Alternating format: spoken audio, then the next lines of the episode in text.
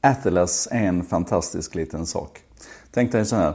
Du tar en, en sticka, pickar lite i fingret, torkar bort den första droppen blod, tar den andra droppen blod på en speciell eh, sticka kan vi säga och så stoppar du in det i en liten pelare så här och sen på 60 sekunder så får du fram en massa information om dina blodvärden. Viktiga saker som blodplättar men ännu viktigare saker som eh, T-cellsaktivering, vita blodkroppar, eh, ja, massor med sådana här saker som framförallt just nu är inriktat på cancerpatienter som får eh, eh, kemo, ehm, eh, eh, cellgifter. Eh, och det här är ännu ett steg nu i riktning mot det här med att vi kan mäta och väga och kontrollera vår egen kropp. Jag har ju till exempel en våg ifrån Withing som jag har använt länge. Eh, den nya modellen av den här vågen den mäter, mäter någonting som man kallar för Pulse Wave eh, Velocity. Alltså, eh, som man säger, hastigheten på Gå in och googla det där. Men i alla fall, man hävdar att det där är en av de bästa indikatorerna på, på hjärtproblem.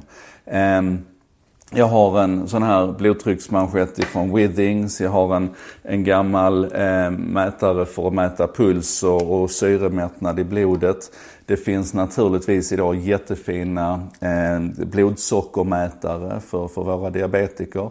Eh, man kan säga överhuvudtaget det här exploderar och det är inga leksaker längre. Det här tornet här nu, Atlas till exempel, den är framtagen tillsammans med FDA, alltså amerikanska Food Drug Administration, eh, som, som håller koll på läkemedelsindustrin. Där de har varit med från början och plockat fram det här. Så det här är, det här är grejer som är på riktigt.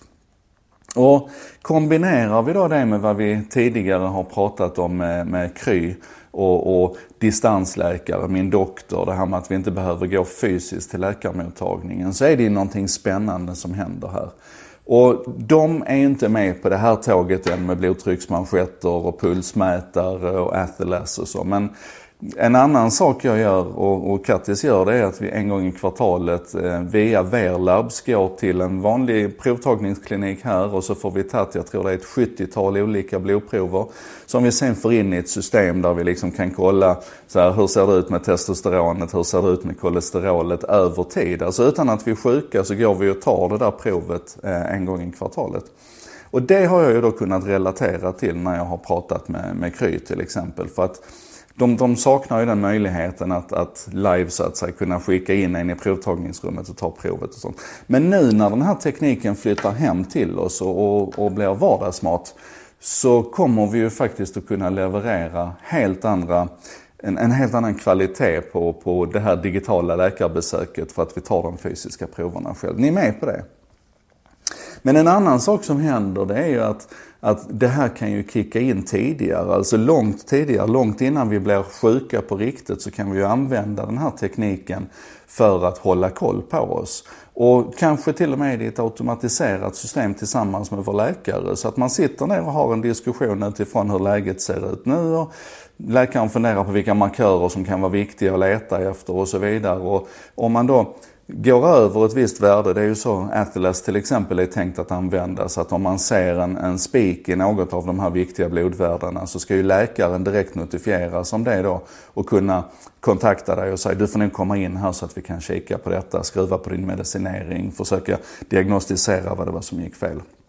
Men long story short, det här leder egentligen till en värld där vi potentiellt kan använda sjukvården för att hålla oss friska istället. Alltså den blir en hälsovård.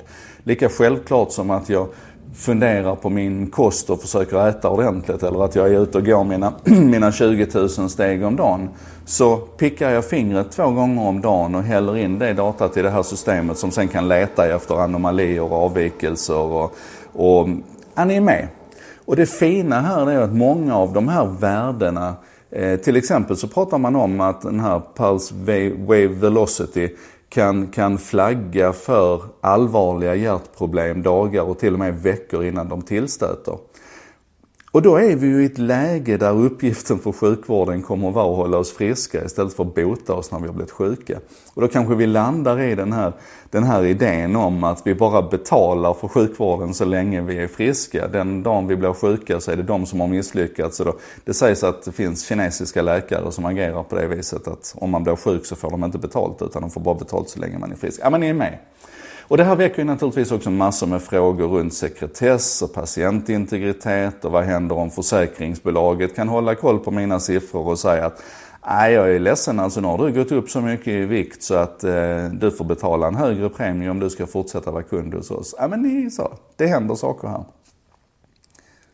Det där skulle vi kunna prata en hel vecka om. Vi kommer återkomma till det ämnet också. Jag vill bara avsluta med att säga grattis till Eh, Eh, Priscilla Chan och Mark Zuckerberg som i, eh, nu nyligen fick sin, sin andra dotter. Eh, August kom till världen. Och då tycker jag ni ska gå in och jämföra det brevet som Mark skrev när de fick sin första dotter Max i 2015 och det han har skrivit nu när han har fått sin andra dotter August. Ehm, första brevet var oändligt långt och handlade om hur man skulle rädda världen egentligen. Det här andra brevet till andra dottern, det är mer så här, ta vara på din dem. Det händer saker i huvudet på Mark Zuckerberg och Priscilla Chan också. Världen förändras. Anyway. Um, fundera på det här med, med hälsovård och sjukvård och hur långt du är beredd att, att gambla där med din, ehm, dina hälsodata.